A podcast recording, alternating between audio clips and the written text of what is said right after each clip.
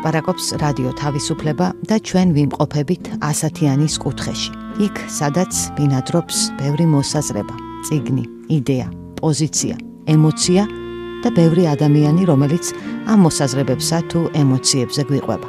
ასე რომ, მოირგეთ ყურსასმენები.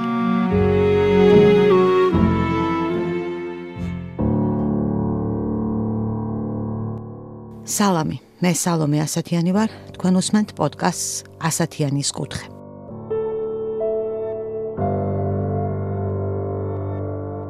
ათასრაასორმოც წელს 26-დან 27 სექტემბრის ღამეს მეოცე საუკუნის ერთ-ერთმა ყველაზე მნიშვნელოვანმა ორიგინალურმა და ენიგმატურმა მოაზროვნემ გერმანელმა ებრაელმა ავტორმა კრიტიკოსმა და ფილოსოფოსმა ვალტერ ბენიამინმა ესპანეთში კატალონიის ქალაქ პორტბოუში მორფის აბების ფატალური დოზა მიიღო და თავი მოიკლა.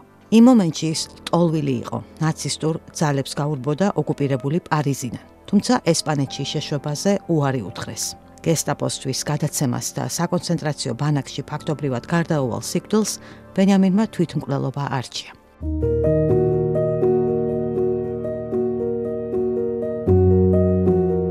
სიცოცხლეში ვალტერ ბენიამინს დიდი აღიარება არ ჰქონია. მისი ყველაზე მნიშვნელოვანი ნაწერები მისმა მეგობრებმა გადაარჩინეს.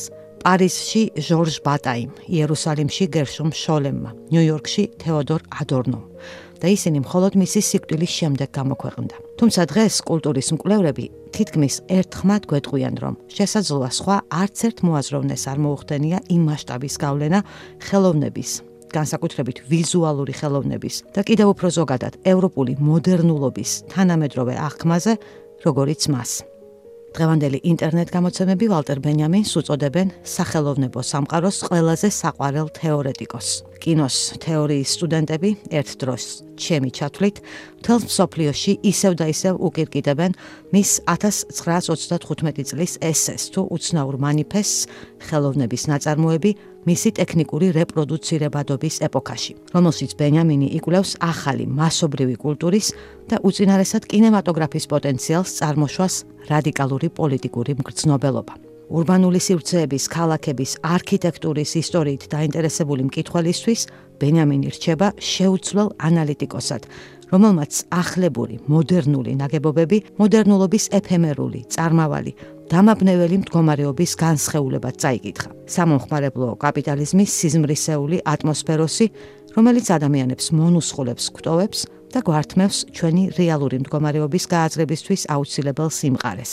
ისტორიკოსები და ფილოსოფოსები კი თავს ვეღარასოდეს არიდებენ, თუმცა დღემდე კამათობენ ისტორიის აღქმის პროცესებში царსულისა და აწმყოს იმ იდუმალ მისტიკურ ურთიერთმიმართებაზე, რომელიც ვალტერ ბენიამინმა გამოკვეთა. რომ царსული ადამიანებს გვესმის არა თავისთავად, ისეთად, როგორიც ის იყო, არამედ მხოლოდ და მხოლოდ აწმყოს გადასახედიდან. აქ და ამჟამად არსებული ვითარების პერსპექტივაში. და რაც კიდევ უფრო ბენიამინისეული მოსაზრებაა, царსულის ესა თუ ის მომენტი თითქოს უკვე ელის თავის თავში გულისხმობს აწმყოში იმ მომენტის დადგომას, რომელშიც ის ჩვენს წინაშე თავისი მანამდე დაფარული მნიშვნელობის გახსნას, გამოაშკარავებას შეძლებს.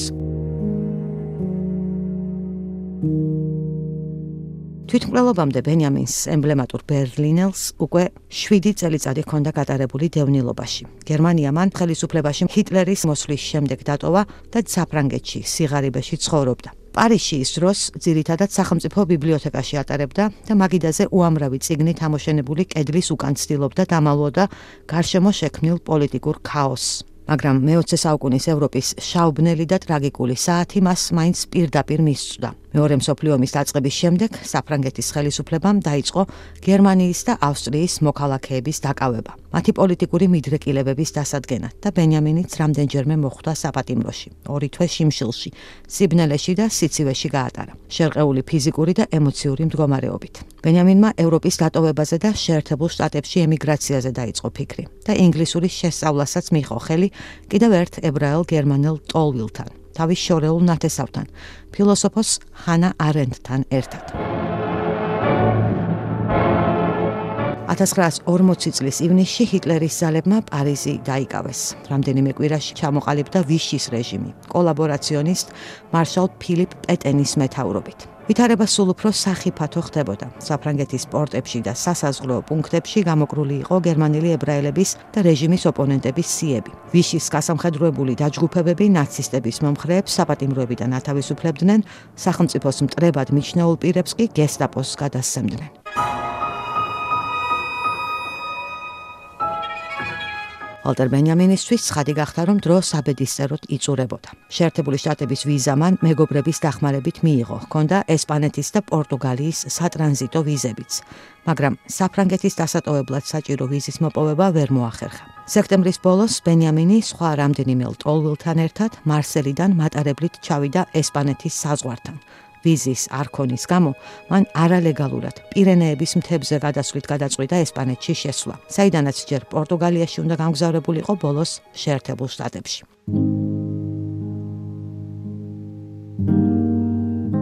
ამ დროს ბენიამინი მხოლოდ 48 წლის იყო, თუმცა ჯანმრთელობა ძალიან ჰქონდა შერყეული. თაში სიარული უჭირდა. ხშირად ჩერდებოდა, მძიმედ სუნთქავდა. ფილტვები და გული აწუხებდა და ერთ მომენტში გულის შეტევის ზღვარზეც იყო. მაგრამ ის მთელი გზის განმავლობაში ხელიდან არ უშვებდა შავ ძიმე ჩანთას.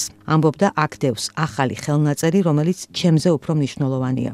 მისი სიკვდილის შემდეგ ხელნაწერი არ უპოვნიათ და ბენიამინის მიმდევრები დღემდე ფიქრობენ, მაინც რა შეიძლება ყოფილიყო იმ შავ ჩანთაში. ზოგი თვლის, რომ ეს იქნებოდა ბენიამინის მაგნუმ ოპუსის, პასაჟების პროექტის დასრულებული ვერსია. ვრცელი ფრაგმენტული მედიტაციისა უწინდელი მე-19 საუკუნის პარიზის შესახებ, რომელზეც ბენიამინი 1927-დან 1940 წლამდე მუშაობდა და რომელსაც ამერიკელი პოეტი, კრიტიკოსი და ბენიამინის დიდი თაყვანისმცემელი ადამ კირში უწოდებს ერთ-ერთ ყველაზე ცნობილ წიგნს, რომელიც არასოდეს დაწერილა, რადგან ეს უზარმაზარი ნაშრომი შენიშვნების, ციტატების და დაკვირვებების უცნაურ კრებულად დარჩა. პასაჟების პროექტი მიემართება დღევანდელი სავაჭრო ცენტრების წინამორბედს, რკინისა და მინის კონსტრუქციებს, თაღოვანი სახურავის მქონე პასაჟებს პარიზში, ვიტრინებში გამოფენილი სამომხმარებლო და ფუფუნების საგნებით. ეს ნაშრომი ემბლემატურია ბენიამინის უნიკალური, უცნაურად მისტიკური და მელანქოლიური მემარცხენე მგრძნობელობისთვის, ან როგორც უწოდებენ ხოლმე მუქი მარქსიზმისთვის. ის აქ ხშირად იყენებს მისი ნააზრევისთვის ერთ-ერთ უმნიშვნელოვანეს ტერმინს, ფანტასმაგორიას, და ამ ცნებით აღწერს სამომხმარებლო კაპიტალიზმის მომნუსხელ, ილუზორულ, ინტოქსიკაციის გამომწვევ ატმოსფეროს, რომელშიც ადამიანები ნახევრად მძინარენი, სიზმრისელ მდგომარეობაში ვართ, საგნებისა და ნივთების ეფემერული ხიბლი გვატყოვებს და საკუთარ რეალურ, თუ გნებავთ მატერიალურ სიტუაციაზე ფხიზელი რეფლექსია არ თუ აღარ შეგვიძლია. სხვები კი ვარაუდობენ, რომ ბენიამინს იმ შავი ჩანთით მიჰქონდა ბოლო ვერსია თავისი უკანასკნელი ნაშრომისა სათაურით ისტორიის ცნების შესახებ, რომლის ასლებიც მან ვიშის საფრანგეთიდან გაქცევამდე ჰანა არენცს და ჟორჟ ბატაის დაუტოვა. და რომელმაც შემდეგ აწლეულებში დიდი გავლენა იქონია ისტორიოგრაფიის, სოციალური და ჰუმანიტარული მეცნიერებების სფეროებზე. ეს ძალიან უცნაური, რაღაცნაირი ძიმე ენერგიით დამუხტული ტექსტი, რომელშიც ბენიამინი ერთმანეთს პროვოკაციულად უხამებს მარქსიზმსა და სეკულარულ მესიანიზმს და მღელვარედ აკრიტიკებს ისტორიის ფილოსოფიის ტრადიციულ ფორმებს თუ პროგრესის იდეას, ბევრის მიერ ბენიამინის დამზაფრელ ანდერძად არის მიჩნეული.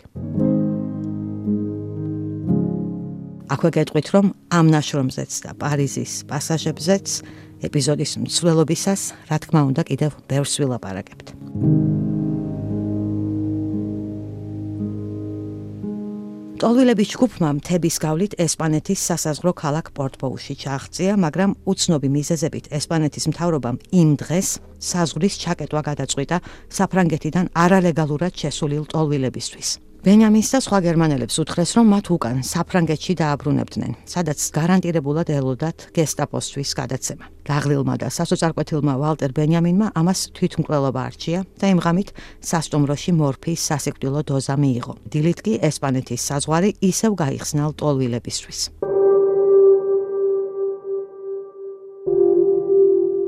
ბენიამინის სიკვდილის გარემოებებზე ბევრი უპასუხო კითხვაც რჩება. ესპანელმა ექიმმა მისი გარდაცვალების მიზეზად ტვინში სისხლის ჩაქცევა გააფორმა და არა ნარკოტიკების ზედოზირება. არსებობს ვარაუდი, რომ ის მოკლეს. შესაძლოა საბჭოთა კავშირის აგენტმა, რომელმაც საფრანგეთიდან გაქცეული ლტოლვილების ჯგუფში შეაღწია. მაგრამ როგორც უნდა იყოს, ფაქტია, რომ მას საბედისწეროდ შემზარავად არ გაუმართლა დროში. საზღვრის გადაკვეთა იმ ერთადერთ მომენტშისა და როცა ეს შეუძლებელი იყო.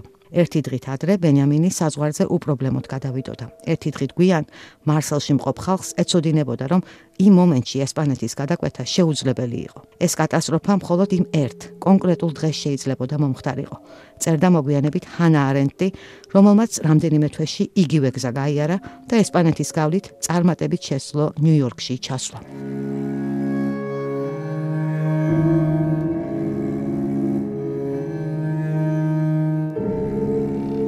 ტრაგიკულმა ბედისერამ ვალტერ ბენიამინის ფიგურა სლამის მითიური ელფერი. თუ მისივე ტერმინით რომ ვთქვათ, მითიური აურა მიანიჭა. მისი ამბავი გადაიქცა მე-20 საუკუნის ევროპის ტრაგიკული მოვლენების პარადიგმატულ სიმბოლოდ. ემბლემატურ ისტორიად ბრწყინვალე გონებისა, რომელიც ფაშისტური ძალების ტოტალიტარული სისტემის მხრიდან დევნას ემსხვერპლა. მისი უკანასკნელი მოგზაურობის და სიკვდილის ამბავი ისევ და ისევ იზიდავს ადამიანებს. ამ მოვლენების შესახებ დაწერილია მხატვრული რომანები, მემუარები, გადაღებულია ფილმები, სერიალიც კი. ცხადია, ბევრ აკადემიურ გამოკვლევასთან ერთად.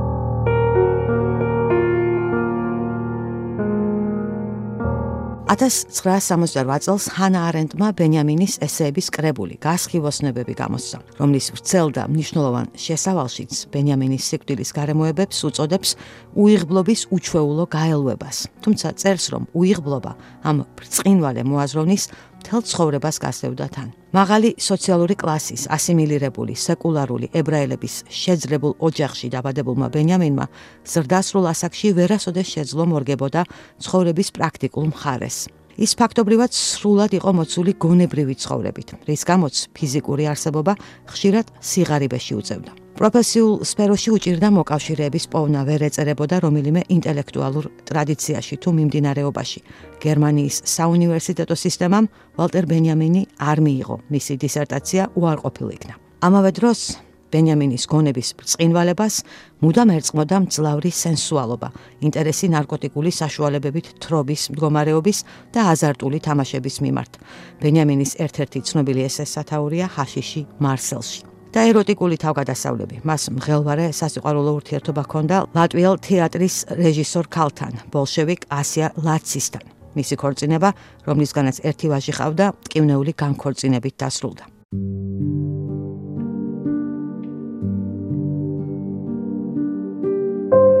სიუზან ზონტაქს მე-20 საუკუნის ერთ-ერთ ყველაზე გავლენიან ინტელექტუალს ბენიამინში უწინარესად სწორედ მისი დაბნეულობა, დაკარგულობა, არაპრაქტიკულობა უყვარს. ბენიამინის მასშტაბური პროექტების გაგება შეუძლებელია თუკი არ გავიაზრებთ მაინც რაოდენ ძლიერად ეფუძნება ისინი მელანქოლიის მისეულ თეორიას. წერს ზონტაკი და ამბობს, რომ სწორედ ამ მელანქოლიურმა ტემპერამენტმა გადააქცია ბენიამინი კატასტროფული ეპოქის მე-20 საუკუნის უბადლო კომენტატორად.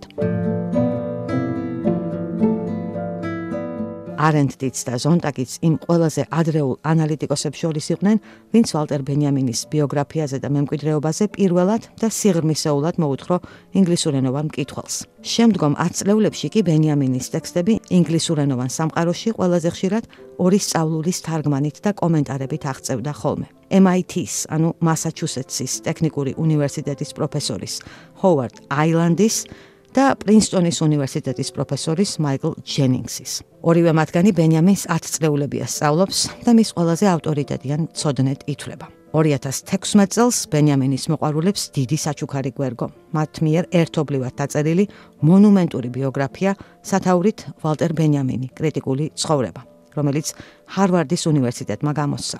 კრიტიკოსების აღფრთოვანებული რეცენზიების ფონზე. გამოცემა Guardian-მა წლის წიგნად დაასახელა ეს ბიოგრაფია, რომელსაც, როგორც კრიტიკოსი ადამ კირში წერს, მნიშვნელოვანი და საჭირო სიცხადე და რეალიზმი შეაქვს ბენიამინის ფიგურის მითოლოგიზაციის ხანგრძლივ ტრადიციაში.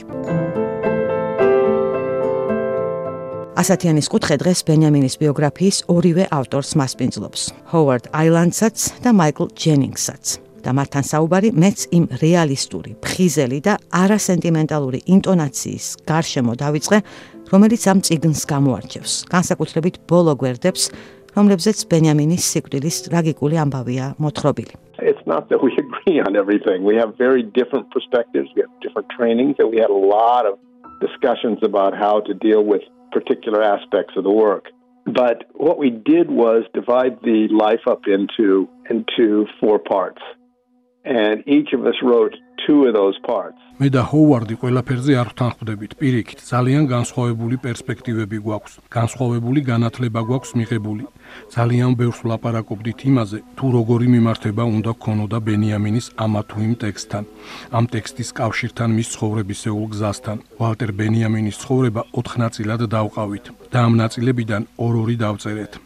ცხადია ერთმანეთის ნაწერებს ორივე ვეცნობოდით, კომენტარებს ვაკეთებდით, ვასწორებდით და ასე შემდეგ. ბენიამინის ცხოვრების ბოლო 7 წლის შესახებ თავის დაწერის ამოცანა მე მერგო. და ის დავწერე რწმენით, რომ ფაქტები თავისთავად ამბობდა სათქმელს. ფიქრობ თქვენ ბენიამინის შესახებ ბევრი გაქვთ წაკითხული და გეცოდინებათ, რომ მისი ბიოგრაფიები ბოლოსკენ სავსეა ხოლმე პათოსით. საწოდავი ბენიამინი, სხერპლი ბენიამინი, და მე ძალიან შევეცადი ამისათვის თავი ამერიდებინა.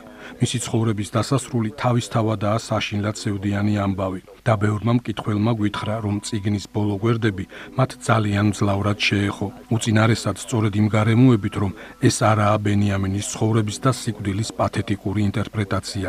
მაგრამ მაინც გადმოცემულია ის, თუ რაოდენ საზარელი იყო მისი სიცოცხლის ბოლო დღეებში შექმნილი ვითარება. avoiding that kind of pathetic interpretation of Benjamin while still giving the reader a sense of how awful the situation was. მითხრა პროფესორმა ჯენინგსმა. ციგნის თანაავტორმა ჰოვარდ აილანდმა კი ასე აღვიხსნა ბენიამინის ცხოვრებისა და ინტელექტუალური მემკვიდრეობის დრამატურგიისადმი მათი კვლევის მიმართება. I think your use of the term dramaturgic is very very appropriate. There is there's something dramatistic about about his whole approach to writing and uh, there is a strange drama in just I I think in the, in the way that his his thinking moves. სიტყვა დრამატურგია აქ ძალიან სწორად მოიხმეთ, რადგან წერისადმი ბენიამინისეულ მიდგომას ნამდვილად გამოარჩევს რაღაც ძალიან დრამატული და მისი აზროვნების პროცესიც უცნაურ დრამას მოიცავს. და ეს მის ცხოვრებასაც მიემართება. ბენიამინი მუდმივად მუშაობდა წრფივი, ლინეარული მიზეზშედეგობრიობის, სწორხაზოვანი წესრიგის საწინააღმდეგოდ. თავად როგორც ამბობდა, წერდა კონსტელაციური მოძრაობით თუ პრინციპით. ამის გამო ჩვენც მნიშვნელოვანი გამოწვევის წინაშე დავდექით მისი ბიოგრაფიის წერისას. უნდა აგვერჩია ეს ბიოგრაფია კონვენციური, ასე ვთქვათ, ლინეარული ფორმით დაგვეწერა, მოვლენებს დასაწყისიდან ბოლომდე გავყოლოდით თუ გაგვეთვალისწინებინა მისი აზროვნების სპეციფიკა, რომელშიც წარსული და მომავალი მუდმივად ერთმანეთს ერწყმის. ბოლოს მაინც უფრო კონვენციურ ფორმას მივმართეთ. გადავწყვიტეთ დაგვეწყო თავიდან და ასე მივყოლოდით მის ცხოვრებას, რის გამოც ცოტა არ იყოს კრიტიკაც შეგვხვდა. მაგრამ მე მაინც ვთვლი, რომ ეს სწორი ფორმა იყო მისი ცხოვრების და აზროვნების ამბის გადმოსაცემად. I think it's the only way to tell the story really. The idea of gambling, you know, he had this interest and maybe even addiction to gambling. He would make make a few bucks uh, from his writing and then immediately go to casinos and usually lose it. But there was there's kind of there's the sense in which his whole approach to writing and thinking is, is that of a of a gambler. აზარტული თამაშები მისი დიდი ინტერესი იყო. შესაძლოა ადიქციაც. წერით ცოტა ფულს იშოვიდა თუ არა, მაშინვე კაზინოს მიაშურებდა და ამ ფულს როგორც წესი იქვე კარგავდა. და წერისადმი თუ აზროვნებისადმი მისი მთელი მიდგომაც სწორედ მოთამაშისას გავს. ის რისკზე მიდის, დგამს გაბედულ ნაბიჯებს და ამას ყოველთვის წარმატებით ვერ აკეთებს. ბენიამინის ბიოგრაფიის წერისაც მუდმივად ვცდილობდით მოგვეხელთებინა და გამოგვეკვეთა მისი პიროვნების სხვადასხვა მახასიათებელი, რაც თავის მხრივ გააერთიანებდა მისი ცხოვრებისეული გამოცდილებების არაორდინარულ მრავალფეროვნებას. ბენიამინის ცხოვრებაც და მისი აზროვნების თუ წერის ფორმაც იყო მრავალპერსპექტივიანი, მრავალმიმართულებიანი, მრავალგანზომილებიანი და ეს მუდმივად უნდა გაგვეთვალისწინებინა. აზარტული თამაშების სიყვარული მისი ერთ-ერთი ასეთი მახასიათებელია. კიდევ ერთია ისეთ სამყაროში ცხოვრების განცდა, რომელშიც ტრადიციული საყრდენები ირღვევა. პოსტნიჩიანური სამყარო. ბენიამინი ადრეული ასაკიდან სკოლის პერიოდიდან კითხულობდა ნიჩეს და ახალი სამყაროს იდეა სამყაროსი რომელიც ჩნდება მაშინ როცა იუდეურ ქრისტიანულმა ტრადიციამ სიმყარე თუ სანდოობა დაკარგა მას მუდამ თან დახვებოდა. ის ხშირად მიმართავდა ნიჩეურ მნიშვნელობას ტერმინისა ნიჰილიზმი. მელანქოლია და სასოწარკვეთა რომელიც ახსენეთ მატულობს მისი ცხოვრების განმავლობაში. იყო მომენტები როცა ის ამით პარალიზებული იყო სუიციდის ზვარზე სანამ მართლაც მოიკლავდა თავს. სასოწარკვეთის და ფეხქვეშ მიწის არარსებობის შეგრძნების წინააღმდეგ ბრძოლის განცდა ბენიამინთან მისი სტუდენტობის პერიოდიდან გვხვდება. და ცხადია ესეც გვიქმნიდა სირთულეს მისი ბიოგრაფიის წერისას. უნდა გვეპოვა გზები, რომლებითაც ერთმანეთს დაუკავშირებდით მისი ცხოვრებისეული ამბის ბევრ სხვადასხვა ხაზს. multi-perspectival, multi-directional, multi-dimensional life and and also form of writing was something that we constantly had to keep in mind.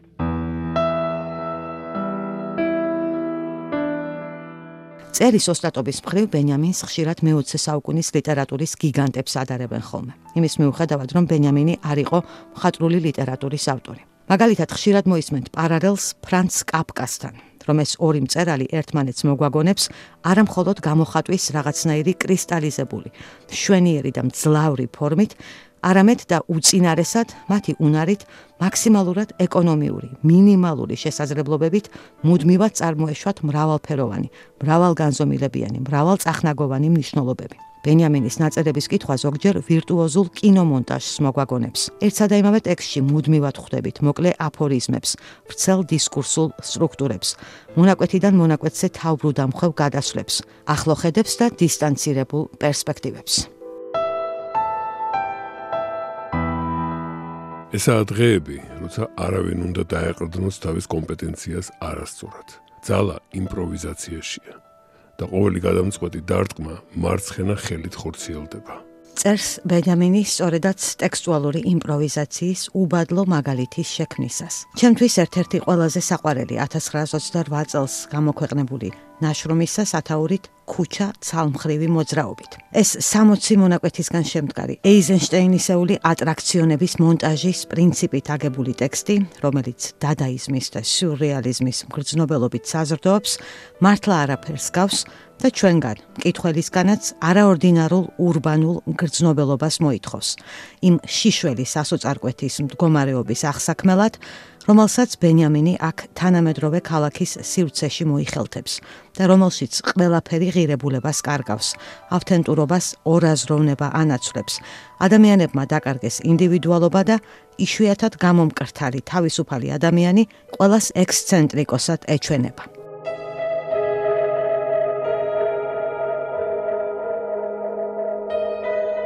ბენიამინი ბევრს ფიქრობდა და წერდა საკუთრივ ენაზეც, ენობრივ სტრუქტურებზე და სხვადასხვა ენას შორის თარგმანის ფენომენზე. თვლიდა რომ საგულისხმო ლინგვისტური პრაქტიკების ამოცანა მხოლოდ მნიშვნელობის გამოხატვა არ არის და არც თარგმანის მთავარი მიზანია იმის გადმოცემა, თუ რას ამბობს ტექსტის ორიგინალი. თავის ბრწყინვალე ესეში თარგმნელის ამოცანა ბენიამინი წერს, რომ ისტორიულ პროცესში თარგმანს საგანგებო სტატუსი აქვს, რადგან ის თავისი არსით მიემართება იმ რაღაცის წარმოჩინებას, რაც ორიგინალში უკვე არსებობს, მაგრამ მხოლოდ თარგმანის პროცესით ხდება ცხადი. თარგმანი გარკვეულწილად ორიგინალის არსებობას ანაცვლებს და ააშკარავებს ენებს შორის ყველაზე სიღრმისეულ კავშირს, ენის როგორც ასეთის წმინდა ენის არსში არსებულ ჭეშმარიტებას. ორიგინალისა და თარგმანის ცნობა ამბობს ბენიამინი ერთი უფრო დიდი ენის ფრაგმენტებად უნდა იყოს შესაძლებელი. თარგმნელის ამოცანა საკუთარ ენაში გამოიხსნას ის წმინდა ენა, რომელიც უცხო ენებშია გაძევებული და ამით გამოათავისუფლოს ნაწარმოებში დატყვევებული ენა მისი ხელახალი შექმნისას, ანუ თარგმნისას. ასე ჟღერს ამ ესეს ერთ-ერთი ცენტრალური ციტატა ანაც კიტიშვილის თარგმანში, რომელსაც ვალტერ ბენიამინის სხვა ნაშრომებთან ერთად სწორედ ახლა ბეჭდავს გამომცემლობა არილი წერალთა სახლის და გოეთეს ინსტიტუტის მხარდაჭერით. კლავ ჰოვარდ აილანდი. He wears many hats. He uh, as, as you just said, he he's uh, able to write for different audiences in, in different idioms ranging from the tractatus that he wrote in his second dissertation and was that was rejected by the University of Frankfurt. ბენიამინი ძალიან მრავალფეროვანია. შეუძლია წეროს განსხვავებული აუდიტორიებისთვის. იქნება ეს ტრაქტატი, რომელიც იყო მისი მეორე დისერტაცია, რომელიც შემდგომში უარყოფილ იქნა ფრანკფურტის უნივერსიტეტის მიერ ესაა ნაშრომი მასალების უკიდურესად აკადემიური ორგანიზებით, აქ ბენიამინის ხმა იმდენად აკადემიურია, რომ მომენტებში გერმანული საუნივერსიტეტო პროზის პაროდიასაც კი ჩამოჰგავს. ამავე დროს ბენიამინი მუშაობდა გერმანიის რადიოში. 1920-იან წლებში ბავშვებისთვის ზრდასრულებისთვის წერდა რადიო პიესებს, რომლებშიც ის ლაპარაკობს არაჩვეულებრივ ურბანული ენით და გონება მახვილობით. ძალიან კარგად იცნობს თავის აუდიტორიას. ახალგაზრდობაში ბენიამინი მოკლე მოთხრობებს წერდა თავის მეგობართან, გერმანელ ავტორთან და თეორეტიკოსთან ზიგფრიდ კრაკაუერთან ერთად მან პოპულარული კულტურა გადააქცია სერიოზული შესწავლის საგნად. ბენიამინი წერდა საბავშვო ლიტერატურაზე, სათამაშოებზე, აზარტულ თამაშებზე, პორნოგრაფიაზე, მოგზაურობაზე, ფსიქიკურად დაავადებულთა ხელოვნებაზე, კინემატოგრაფზე.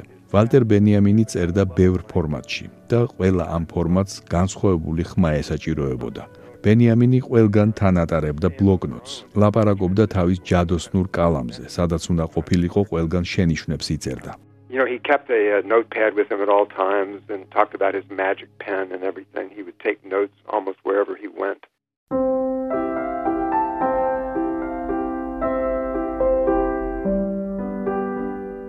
მე-20 საუკუნის პროზის შედევრად მიიჩნევენ ბენიამინის ციგნს ბერლინური ბავშვობა 1900 წლის მიდამოებში, რომელიც მისი სიკვდილის შემდეგ გამოქვეყნდა. ბენიამინი აქაც ცდება კონკრეტული ჟანრის ჩარჩოს. ბერლინური ბავშვობა არ არის ავტობიოგრაფია ტრადიციული მნიშვნელობით. მისივე ტერმინოლოგიით ის აქ מחსოვრობის სიღრმეებში აწყობს ექსპედიციას. იხსენებს თავის ბავშვობას დასავლეთ ბერლინში მცხოვრებ შეძლებულ ებრაელთა ოჯახში, თუმცა აქცენტს სვამს არა ადამიანებზე ან მოვლენებზე, არამედ ადგილებზე, საგნებზე, ქალაქის სივრცეზე, პარკებზე, ქუჩებზე, ინტერიერებზე, რომლებსაც აღიქვამს ბავშვი. ჰოვარდ აილანდის თქმით, კოლექციონერი, პლანერი და ალეგორისტი ერთ სხეულში. ამ წიგნის მონაკვეთების სათაურებია მათ შორის წინდა, ტელეფონი, მოჩვენება, შობის ანგელოზი, კარუსელი. ნაცნობი გარემოს აღწერისას ეს ტექსტი მოულოდნელი მელანქოლიურობით ფეთქავს და მას ნუანსირებული და ფაქიზი ფორმით სოციალური განზომილებაც გასდევს თან. ბერლინის ქრონიკებში საგაზეთო სტატიების ციკლში, რომელიც შემდეგ ამ ციგნს საფუძვლად დაედო, ბენიამინი იხსენებს ბურჟუაზიული სიმყარის განცდას, რომელიც სტაბილურად ბუდობდა მისი მშობლების ბინის სივრცეში. აქ ნივთები, საგნები, ავეჯიც კი მარადიულობის აურას ასხივებდა. აქ გამეფებული იყო ნივთთა სახეობა, რომელიც განურჩევლად იმისა, თუ რაოდენ მორჩილად უხრიდა თავს. მოდის ცირე ქარაფშუტობებს იმდენად დარწმუნებული რჩებოდა საკუთარ თავსა და მარადიულობაში რომ არაფრად დაგიდევდა არც მოხმარებას, არც მემკვიდრეობას, არც მოძრაობას. ის მარადიულად და თანაბრად რჩებოდა ახლოს და შორს საკუთარი დასასრულისგან, რომელიც ყველაფრის დასასრულსაც ჰგავდა. სიღარიბე როგორც ასეთი ამგვარი სახლისგან და გარემოსგან რა თქმა უნდა ძალიან შორს იყო. ღარიბები მისი თაობის მდიდარი ბავშვებისთვის ისინი სადღაც მიღმურობის უკან ცხოვრობდნენ. წერს ბენიამინი.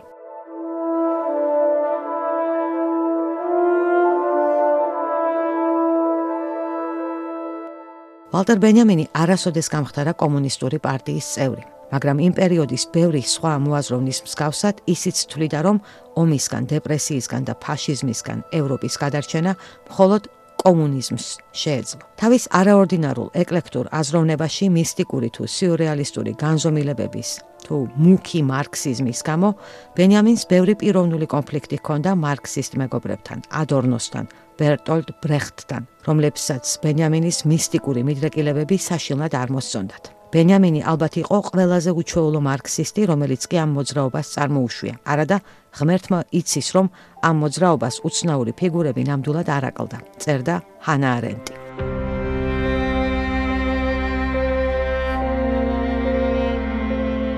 მაგრამ ბენიამინს დაწერილი აქვს მემარცხენეობისთვის შეუცვლელი მნიშვნელობის პოლიტიკური ტექსტებიც, რომლებიც მიემართება რევოლუციას, განსაკუთრებით საყოველთაო გაფიცვის იდეას. ანუ ერთგვარ არაძალადობრივ ძალადობას, რომელიც უკავშირდება მუშაობის კოლექტიური შრომის ახლებურ კონცეფციებს. ის საჯაროდ ლაპარაკობდა კომუნიზმზე, პროლეტარიატის ჩაგვრაზე, თუმცა სიღარიბეში ცხოვრების თუ მარქსიზმის გაზიარების მიუხედავად, ბენიამინი მაინც ბურჟუაზიული სამყაროს ნაწილად რჩებოდა. ყოველთვის ესმოდა თავისი სტატუსი როგორც ბურჟუა ინტელექტუალის და თვლიდა რომ ბურჟუა ინტელექტუალის პროლეტარიზაცია შეუძლებელია.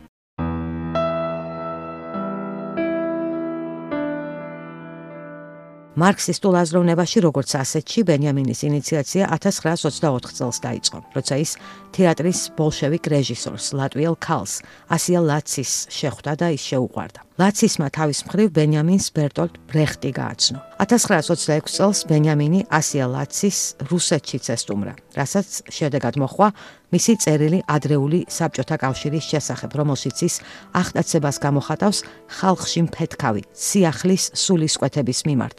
თუმცა უკვე იმ დროს скеპტიკურად ეკიდება რუსეთის სახელმწიფოს. საბჭოთა ექსპერიმენტის მიმართ წმენა ბენიამინმა საბოლოოდ და სრულად დაკარგა სტალინის აღზევების შემდეგ.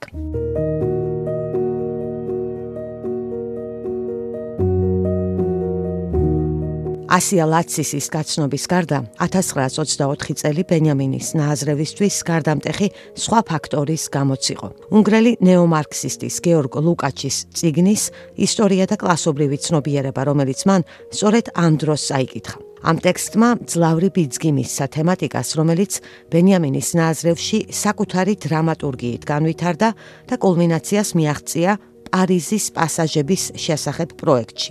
ის თუ მაინც როგორ გადაიქცა კაპიტალიზმის სამყარო რეალობად, რომელსაც ადამიანები კითხვებს არ უსვამენ. ის ბუნებრივი თავისთავადი ეჩვენებათ. და რატომაა რომ სამომხმარებლო კულტურის მომნუსხველი და ილუზორული ფანტასმაგორია ადამიანებს არაძლევს კაფიო აზროვნების, საკუთარ გაუცხოებულ მდგომარეობაზე ფხიზლად რეფლექსიის საშუალებას. ბენიამინს უწინარესად აღელვებს არა კაპიტალიზმის ეკონომიკური წყობა, არამედ ის თუ როგორ ითარგმნება, როგორ აღიქმება, რა მნიშვნელობები ენიჭება ამ წესრიგს ადამიანთა წარმოსახვაში. და ეს გვეუბნება მაიკლ ჯენინგსი, მისთვის ერთ-ერთ ფუნდამენტურ საკითხად რჩება. The early work is certainly a kind of romantic anti-capitalism without being at all left.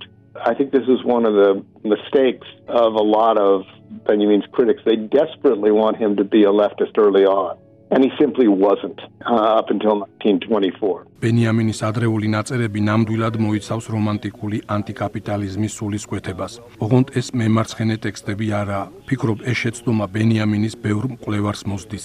მათ დიდი ვნებით სურთ ბენიამინი თავიდანვე მემარცხენე მოაზროვნე იყოს, მაგრამ უბრალოდ ფაქტია, რომ 1924 წლამდე ის ასეთი არ იყო. ბენიამინის ანტიკაპიტალისტური აზროვნება გარკვეული სპექტრის პერსპექტივაში უნდა აღვიქვათ. ერთი მხრივ ადრეულ 1930-იან წლებში სიღარიბის საკუთარი გამოცდილების გავლენითაც მას შეუძლია დაწეროს საკმაოდ ტრადიციული ტექსტები, დაგმოს კაპიტალიზმის დამანგრეველი შედეგები მუშებზე, ბურჟუაზიის ძალაუფლება. ანუ ხდება ტრადიციული თანაგრძნობა ჩაგრულების, გარიყულების მიმართ და მოსაზრება, რომ ამ ჩაგვრას მხოლოდ და მხოლოდ საზოგადოებრივი ტრანსფორმაცია გამოასწორებს. სპექტრის მეორე მხარეს კი არის ფორმულირება.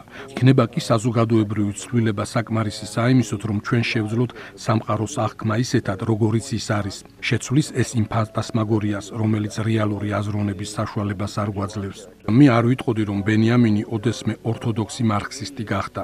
კი, არსებობს ტექსტები, რომლებიც მას ასეთად წარმოაჩენს, მაგრამ ამ ტექსტებს ხშირად მოსდევდა მის მიერვე გამოთქმული უაღრესად პარადოქსული პოზიციები, რომლებსაც ჩვენ ციგში უწოდებთ მისი ნააზრევის მობილურ, მაგრამ ურთიერთ გამომრიცხავ ასპექტებს. ბენიამინი ექსპერიმენტატორი მწერალი იყო ადრეული პერიოდიდან. ის იღებდა აზრს და მას ბოლომდე მისდევდა.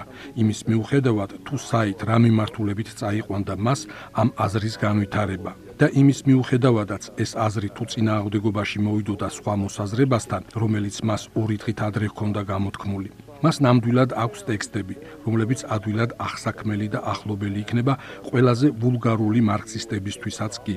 მაგრამ აქვს ისეთი ნაწერებიც, რომლებსაც თავად მემარცხენე ტექსტებად მიიჩნევდა, მაგრამ სხვები მათ შორის ბერტოლდ ბრეხტი მათით შეძრწუნებული იყვნენ. დანიაში ყოფნისას ბენიამინთან ერთ-ერთი მორიგი დისკუსიის შემდეგ ბრეხტმა თავის დღიურში დაწერა: ბენიამინის მთელი ეს მისტიციზმი რაღაც საშინელებააო. ეს არაა ბრეხტის ზუსტი ციტატა, თუმცა სულისკვეთება ნამდვილად ეს იყო ბრეხტის მოსაზრებისა ბენიამინის ნააზრევის ზოგიერთი ასპექტის შესახებ. In Denmark, he says all this mysticism is rather awful. so it's, uh, that's not exact quotation from Brecht, but it, it certainly gets the gist what Brecht thought about that aspect of Benjamin's thought.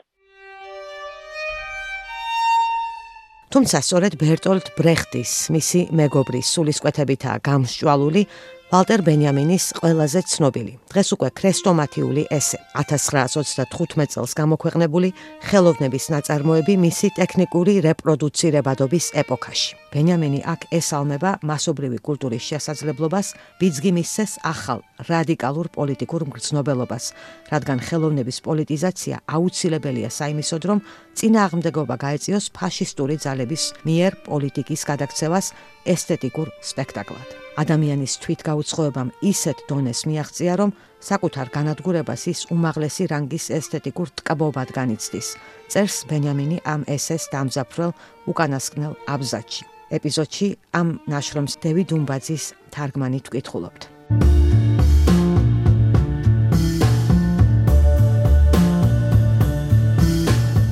ტრადიციულად ამბობს ბენიამინი ამ ესეში, ნახაც თუ ქანდაკებას გასდევდა ერთგვარი აურა. დისტანციის მოწიწების პიეტეტის შეგრძნება. განცდა რომ ხელოვნების ეს ნიმუში აბსოლუტურად უნიკალური, ერთადერთი იყო. ამიტომაცაა რომ ლუვრში ყოველდღე ათასობით ადამიანი დგას რიგში, რათა შორიდან მაინც შეავლოს თვალი მონა ლიზას.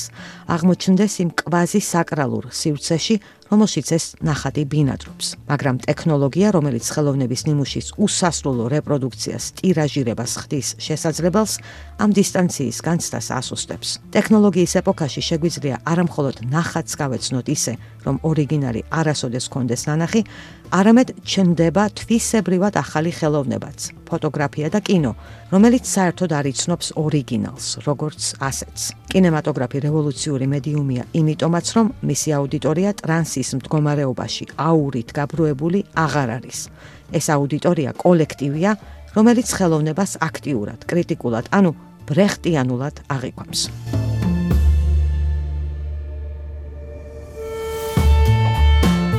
ხელოვნების ნაწარმოების ტექნიკური რეპროდუცირებადობა პირველად მსოფლიო ისტორიაში ათავისუფლებს მას რიტუალში მისი პარაზიტული არსებობისაგან.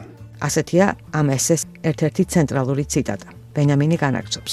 კინოს საზოგადოებრივი მნიშვნელობა მის ყველაზე დადებით ფორმაშიც კი და სწორედ მასში წარმოუდგენელია კულტურული მემკვიდრეობის ტრადიციული ღირებულების გაუქმების ამ დესტრუქციული კათარზისული ასპექტის გარეშე.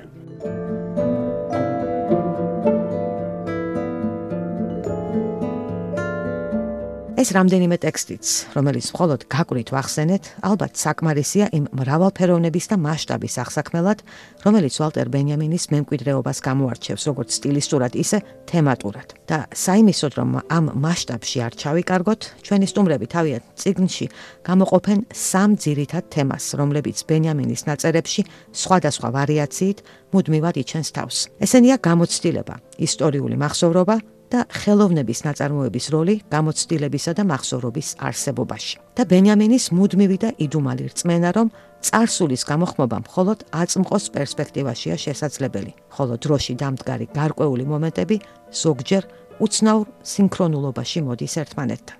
კлау ჰოვარდ აილანდი. Begin with the theory of history, which is something that he worked out from an early age on and that again I think goes back ისტორიის ცნებაზე, ისტორიის თეორიაზე ბენიამინი ახალგაზრდა ასაკიდან ფიქრობდა და მუშაობდა, რაც დიდწილად იყო ნასაზრდოები ნიჩეს ნააზრევით.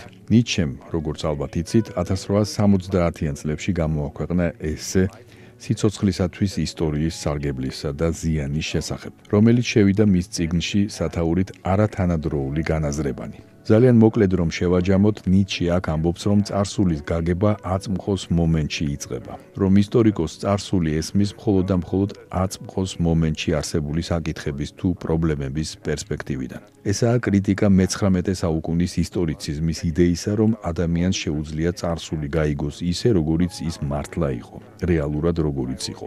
ვალტერ ბენიამინიც ამბობს, რომ არა, ჩვენ царსული გვესმის მხოლოდ და მხოლოდ ჩვენთვის აქტუალური საკითხების პრიზმით.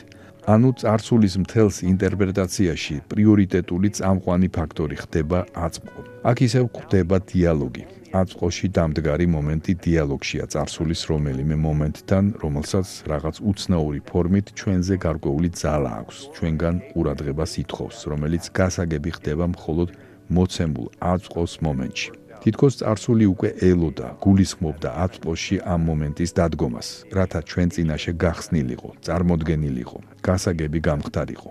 დღევანდელობის ეს მომენტი ხდება შესასვლელი გზა წარსულის რომელიმე მონაკვეთში და წარსულის მომენტსა და ათყოს მომენტ შორის ამ დიალოგის გამართვა მხოლოდ ახლა მოცემულ დროსაა შესაძლებელი. ანუ საქმე გვაქვს უცნაურ წრესთან, და არა წრფივ ხაზებთან, რომლებიც გაზდებს წარსულიდან აწყოს და აწყოდან წარსულს. ბენიამინთან წარსულისა და აწყოს ორი მომენტი რაღაც უცნაური ფორმით ერთმანეთს ყოველთვის გულისხმობს. So it's it's a strange kind of loop rather than a line from the past to the present and the present back to the past. In a strange way they imply one another.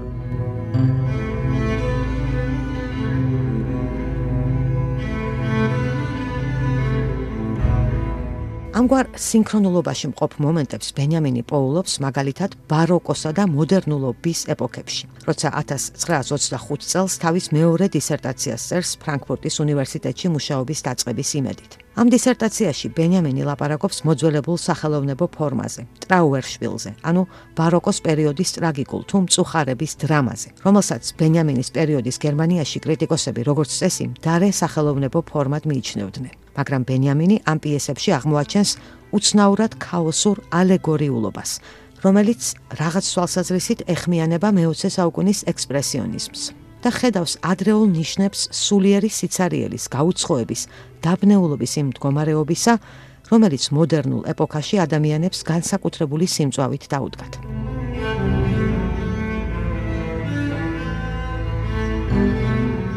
ეს დისერტაცია ჩავარდა ფრანკფურტის უნივერსიტეტის ფილოსოფიის ფაკულტეტმა ის მეტისმეტად რთულად და გაუგებრად მიიჩნია და ბენიამინიც ამის შემდეგ საბოლოოდ გადაერთო ჟურნალისტის საქმიანობაზე. დღეს კი ტრაუერშპილზე მის გამოკვლევას მე-20 საუკუნის ლიტერატურული კრიტიკის ბრწყინვალე ნიმუშად მიიჩნევენ. გვეუბნება ჰოვარდ აილანდი. What he discovers in looking at the uh, late 16th and early 17th century Trauerspiel mourning play in Germany and in Spain and in England is that the eschatological world of the Middle Ages has disappeared has lost its credibility. როცა გვიანდელი მე-16 საუკუნისა და ადრეული მე-17 საუკუნის თეატრალურ ფორმას, წუხარების პიესას, ტრაგიკულ დრამას, ტრაუერშპილს აანალიზებს, რომელიც ხდებოდა გერმანიაში, ესპანეთში, ინგლისში, ბენიამინი აღმოაჩენს, რომ აქ შუა საუკუნეების ესქატოლოგიური სამყარო გამქრალია. მას დაკარგული აქვს სიმყარე, დამაჯერებლობა. სიკვდილის შემდეგ სიცოცხლის მოლოდინიც დიდად აღარ არსებობს. ყოველ შემთხვევაში მსოფლიოს ინტელექტუალებს შორის. ბენიამინი ამბობს, რომ იმ დროის ამ ადამიანების ცხოვრებაში იხსნება ახალი უფსკრული. რისი ბრწყინვალე მაგალითია შექსპირის ჰამლეტი. როცა თავის მეგობრებს როზენკრანც და გილდენსტერნს ელაპარაკება, ჰამლეტი ამბობს: გულს ისეთი მძიმე სევდა შემომაწვა, რომ ეს მშვენიერი ქმნილება დედამიწა ხრიოკ კლდედღა მიმაჩნია. ეს საუცხო ჰაეროვანი სახურავი ჩვენზეთ გადმოკიდებული ცის კამარა ეს დიდებული ოქროსფრად ბრწყინვალე ჭერი სულის შემხუთველი დაშხამული ბუღი მგონია. რომ ადამიანი ეს დიდებული ქმნილება მისთვის ახლა მხოლოდ მიწა და მტვერია. ანუ სიმყარე თუ ცის კამარის სახურავი რომლისაც ადამიანებს შუა საუკუნეებში სწამდათ იმ დროს უკვე გამქრალია და დარჩენილია მხოლოდ აზროვნების ეს ახალი მატერიალისტური ფორმა ჰამლეტი არის ადამიანი, რომელმაც დაკარგა კავშირი თავისი მამის სამყაროსთან და რომელიც სრულიად ახლებური რეალობის წინაშეა, რომლის გააზრებისთვის, რომელთან გამკლავებისთვისაც მას არანაირი სტანდარტი არ აქვს. და ეს სამყარო ჰამლეტის სამყარო მსგავსია იმ სამყაროსი, რომელშიც ბენიამინი ცხოვრობდა. მოდერნულ სამყაროში ცხოვრების გამოცდილება საშუალებას გვაძლევს ჰამლეტი ახლებურად წავიკითხოთ და გავიგოთ. ჩვენს აწყოში დამდგარი მომენტი და წარსულის მომენტი დიალოგშია ერთმანეთთან. ესაა მაგალითი იმისა, თუ როგორ მუშაობს ბენიამინის ისტორიის თეორია და ლიტერატურული თუ სოციალური სამყაროების მისეული ინტერპრეტაცია. His experience of modernity has enabled him to see Hamlet in a, in a new light, or at least to, to see Hamlet in the light of his own experience. This is an example of the way in which his theory of history works in his interpretation of literary and also a so social uh, phenomena that he's dealing with.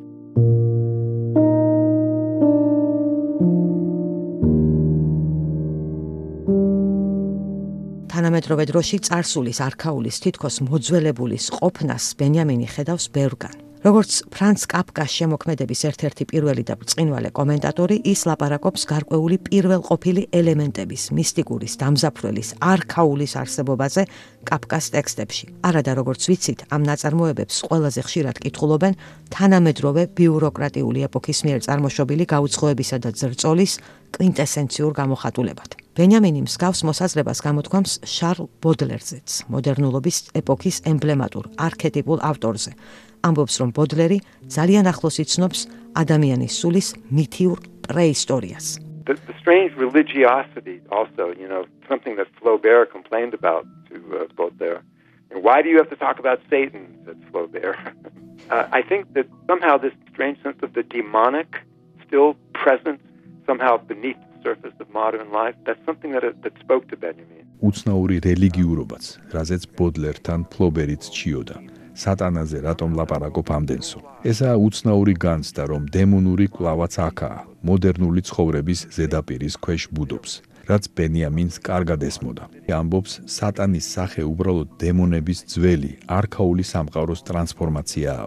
ეს სამყარო კლავაც ცოცხალია, ის მოდერნულ ქალაქშიც ფეთქავს, როგორც ამას ბოდლერი აღწერს. სატანა თავისი უზარმაზარი ფრთებით თავს დასტრიალებს თანამედროვე ქალაქს. ბენიამინი ამ ძალას თუ ენერგიას ბევრ დეტალში, თანამედროვე ცხოვრების ბევრ ასპექტში გრძნობს.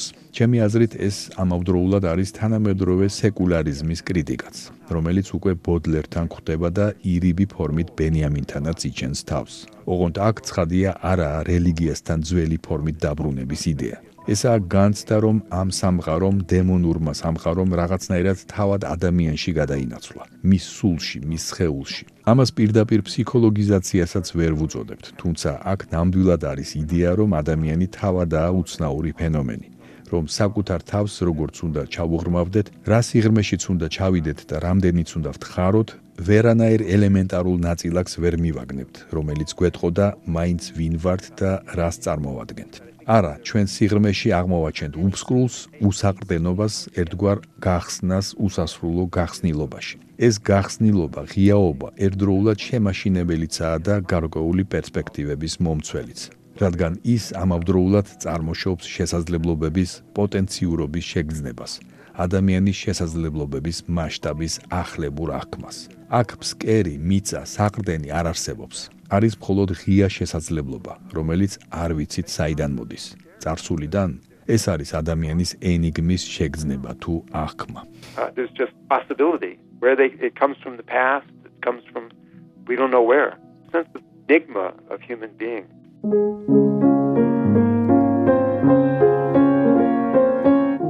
შარლ ბოდლერი ითვლება პირველ ავტორად, რომელიც იყენებს ტერმინს მოდერნიტე და აღნიშნავს მოდერნულობის ორმაგ განზომილებას. წარმავალ, წამიერ აწმყოსა და მარადიულ царსულს, რომელიც აზრობრივად ამ წარმავალ აწმყოს მიემართება. მას ასაზრდოებს. ბენიამინის მკვლევრებისთვის ცხადია, რომ ბოდლერის ამ იდეებმა მას ბევრი მისცა მოდერნულობაზე საკუთარი მოსაზრებების გასავითარებლად, როგორც რაღაც ის, რაც თავისთავად სწრაფად ხრება, ოღონდ საზრდოობს წარსულით, რომელიც კლავაც აქ არის.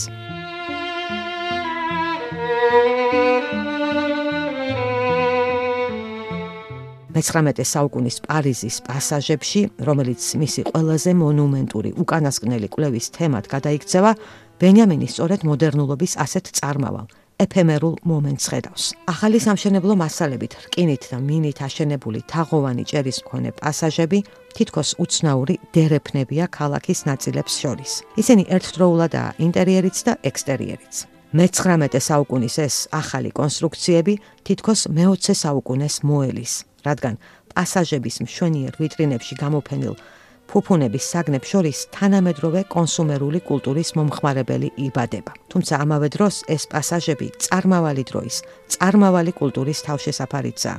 ხელოსნების, კონდიტერების, თერძების, მექოლგეების სივრცე. ოღონ თავისთავადაც წარმავალი, წამიერი თავშესაფარი, რადგან პასაჟები რომლებიც მე-19 საუკუნის დასაწყისში შეიქმნა ფუფუნების საგნების გამოფენის ადგილად, მარმარილოს კედლებითა და იატაკით, საუკუნის ბოლოს პროსტიტუციის კანონისგან დამალვაში მყოფი დამნაშავეების, სხვა ბევრი საეჭო მოქმედების სივრცეთ გადაიქცევა.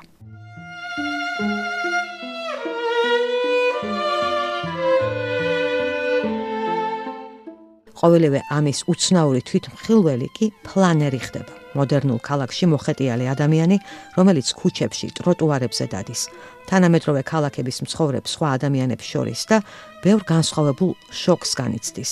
და ეს სახეც ბოდლერის წარმოსახვიდანაა ამოზრდილი. მისი 1863 წლის ტექსტიდან თანამედროვე ცხოვრების მხატვარი, რომელშიც ის ბოდლერისვე სიტყვებით ვნებით დამუხტული მჭვრეტელის სახეს აღწერს. ვალტერ ბენიამინის პასაჟების პროექტში ბოდლერისეული ფლანერი ძალიან მნიშვნელოვანი ფიგურა ხდება. ესა ადამიანი, რომელიც თანამედროვე ქალაქში სიარულისას კაპიტალიზმის მიერ მოტანილ ზიანს აკვირდება.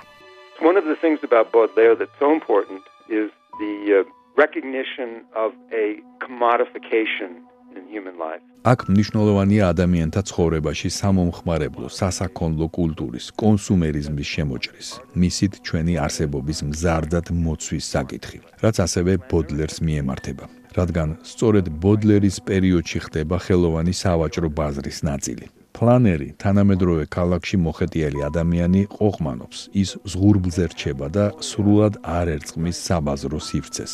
მაგრამ ეს ბევრ ხელოვანს ემართება და ხელოვნებაც როგორც ასეთი სამომხმარებლო საგნად გადაიქცევა და ფანტასმაგორია ბენიამინისთვის ძალიან მნიშვნელოვანი ცნებაც ჩემი აზრით სწორედ ამას მიემართება. სამყაროს რომელშიც ადამიანის ცხოვრების ყველა ასპექტი მოიცვა სამომხმარებლო კულტურამ რასაც ჩვენზე უცნაური მომნუსხველი ეფექტი აქვს. მაღაზიების ვიტრინების თვალიერება ინტოქსიკაციას გვრის უწინ ამ მდგომარეობაში ვარდებოდით პასაჟებში სიარულისას.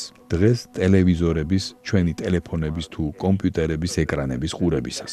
ჩვენკენ მომართულია დამაბნეველი სახეების უწყვეტი და მასშტაბური ნაკადი, რომელიც გნუსხავს, ინტოქსიკაციას გვმართებს.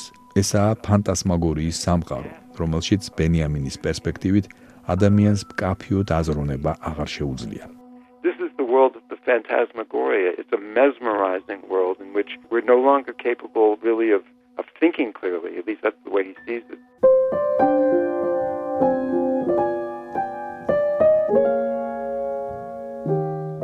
ევროპაში ისადგურებს ძილბურანის მდგომარეობა, რადგან ადამიანები ვნებდებით სამომხმარებლო კაპიტალიზმის მომნუსხელ ილუზიას. ვის უნთქავთ ვიტრინებში გამოფენილი შოკოლადის, სუნამოს, თამბაქოს არომატს და ინტოქსიკაციის მდგომარეობაში ჩავარდნილები, უუნაროები ვართ აღვიქვათ მით უფრო შევცვალოთ ჩვენივე გაუცხოებული მდგომარეობა. რადგან სამომხმარებლო კაპიტალიზმმა ნივთებთან, საგნებთან და საკუთარ თავთანაც არარეალური მიმართება ჩამოგვიყალიბა, რომელსაც ვალტერ ბენიამინი ფანტასმაგორიას არქმევს.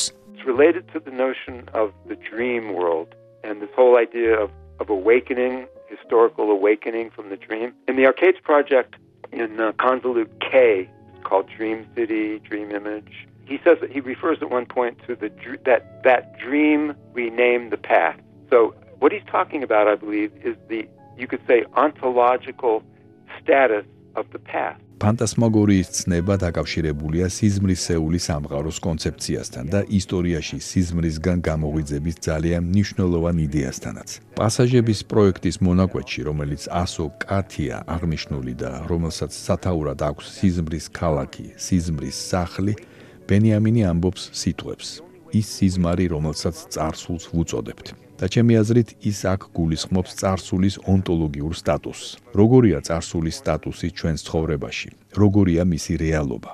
ბენიამინი ამბობს, რომ царსულის რეალობა სიზმრის რეალობაა. ესაა სიზმარი, რომელსაც თან ვატარებთ და რომელიც, ანუ царსული ჩვენს გვატარებს, ისე რომ ამას სათანადოდ ვერც ვაცნობიერებთ. ჩვენი გამოწვევა ამ სიზმრისგან გამოღვიძება, ხოლო საიმისოდ რომ სიზმრისგან გამოიღვიძო, ერთადერთი გზა არის ამ სიზმარში თუ მის წინაშე გაღვიძება.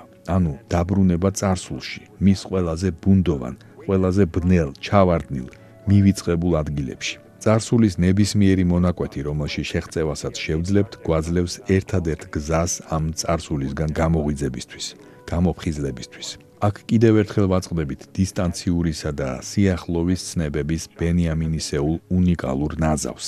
გამოღვიძება ნიშნავს რაღაც დისტანციურში შეღწევას და მის ჩვენთან ახლოს მოტანას, მაგრამ დისტანციის შენარჩუნებით. ეს ძალიან პარადოქსული კონცეფციაა. სხვაგვარად რომ ვთქვათ, როცა ბედისწერის წინაშე ვართ, ამ ბედისწერის გადალახვისთვის ერთადერთი გზაა მისი ასიმილირება, გაგება, გააზრება, მასში ჩაწვდომა, მისთვის თვალის გასწორება. საიმისოდ რომ რაღაციდან გამოხვიდე, ამ რაღაცაში უნდა გაიარო. царსულის სიზმრისგან გამოღვიძებას ესაჭიროება царსულში გაღვიძება, რაც შეიძლება დეტალიზებული ფორმით. პასაჟების პროექტი ამიტომაც მოიცავს უამრავ დეტალს მე-19 საუკუნის შუა პერიოდის ყოველდღიურ ცხოვრებაზე, რადგან ბენიამინს იმ ცხოვრების, იმ царსულის გაღვიძება სურს. ის აანალიზებს მაშინდელ რეკლამას, წერილებს, ვიტრინებს, იმას თუ რა ხდებოდა ქუჩებში, როგორი ტიპის სამუშაოს თუ სამსახურს ასრულებდა ხალხი, როგორ გამოიყურებოდა, რა ატმოსფეროს ასხივებდა ადამიანთა ყოველდღიური ცხოვრება, ყოფა. იმისთვის რომ ჩვენი მშობლების სამყაროსგან გამოვიღვიძოთ, ჩვენ ჯერ ამ სამყაროში უნდა ჩავიდეთ და ეს დიალექტიკური მოძრაობა ერთდროულად წინ და უკან ისტორიული გამოღვიძების ეს იდეა ცენტრალურია ფანტასმაგორიის მდგომარეობის გადალახვისთვის. This idea of historical awakening is central to the overcoming of phantasmagoria.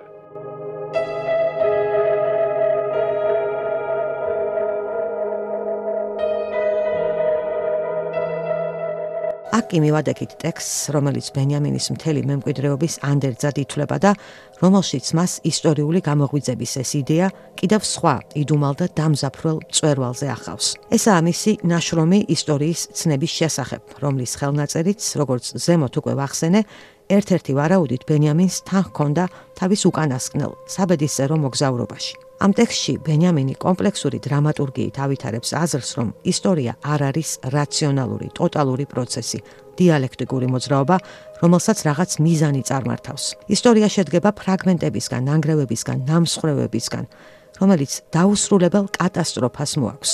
ხსნის თუ გადარჩენის გზა შესაძლოა ამ დამსხვრეულის გამთელება იყოს. თუმცა ეს გზა ჯერჯერობით შეუძლებელია.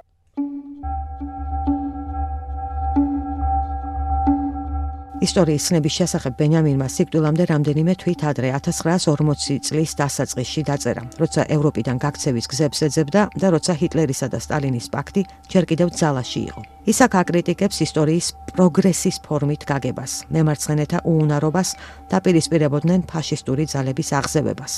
ლაპარაკობს ჰომოგენურ, ცარიელ დროზე, რომელსაც ისტორიის ტრადიციული მოსაზრება გულისხმობს და ლაპარაკობს ჩაგრულთა ისტორიაზე, რომლის გამოხმობას, მოპოვებას, მივიწყებისგან გადარჩენას ისტორიის ახალი ცნების დამკვიდრება ესაჭიროება. ბენიამინი აღნიშნავს, რომ უსამართლობის წინააღმდეგ კაცების და ქალების აჯანყებას წარმართავს არა გათავისუფლებული შვილიშვილების შესახებ ოცნებები, არამედ დამონებული წინაპრების შესახებ მახსოვრობა. წინსვლის ენერგიას გვაძლევს ჩვენი მზერის царსულის შემზარავ მოვლენებზე მიპყრობა. იმ იმედით, რომ ეს მარილის სვეტად არ გადაგვაქცევს. წერს ტერი იგლტონი, ავტორიტეტიანი ბრიტანელი კრიტიკოსი და ბენიამინის მკვლევარი. და ეს დამონებული წინაპრები, წერს ბენიამინი, ჩვენს მოსვლას თავისთავად უკვე ელოდნენ გამოხმობის თუ ხსნის შესაძლებლობის ფერმკრთალი იმედით. ციტატა დევიდ უმბაძის თარგმანიდან. არსებობს იდუმალი შეთანხმება царსულის გვარებსა და ჩვენ შორის. და თუ კი ასეა, მაშინ ჩვენ დედამიწაზე უკვე მოგველოდნენ.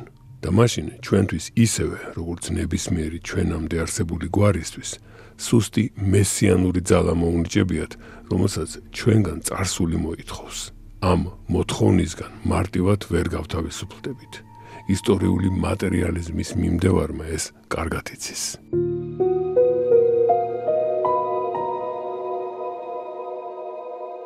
ბენიამინ სამ ტექსტის მთავარ მხატვრულ სახედ ერთი ნახატი შემოაქვს. შვეიცარიელი გერმანელი მხატვრის პაულ კლეეს მიერ დახატული ანგელუს ნოვუსი, ანუ ახალი ანგელოზი, რომელიც მისი საკუთრება იყო. ბენიამინი მეგობრობდა პაულ კლეესთან და ეს ნახატი მისგან 1929 წელს შეიძინა. მას შემდეგ ახალი ანგელოზი ყოველთვის მასთან იყო. ბენიამინი ამ ნახატს ყველა იმ ბინის კედელზე კიდევდა, სადაც ცხოვრება უწევდა ხოლმე.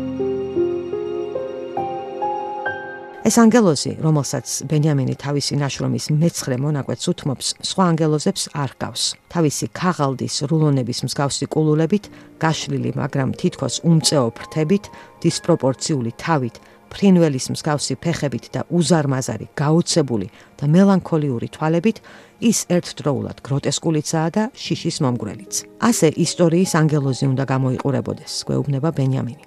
ისტორიის ანგელოზი მასთან სწორედ царსულს უყურებს. და царსულის ნამსხროვების გამთელება, გაცოცხლება, გამოხმობა სურს, მაგრამ ამას ვერ ახერხებს. 64-დან უბერავს ქარბუქი, რომელიც ანგელოს მომავლისკენ მიაქანებს. და აქ ბენიამინი წერს მისი მთელი მემკვიდრეობისთვის შესაძლოა ყველაზე დამზაფრველ და ყველაზე ბრწყინვალე მოკლე წინადადებას.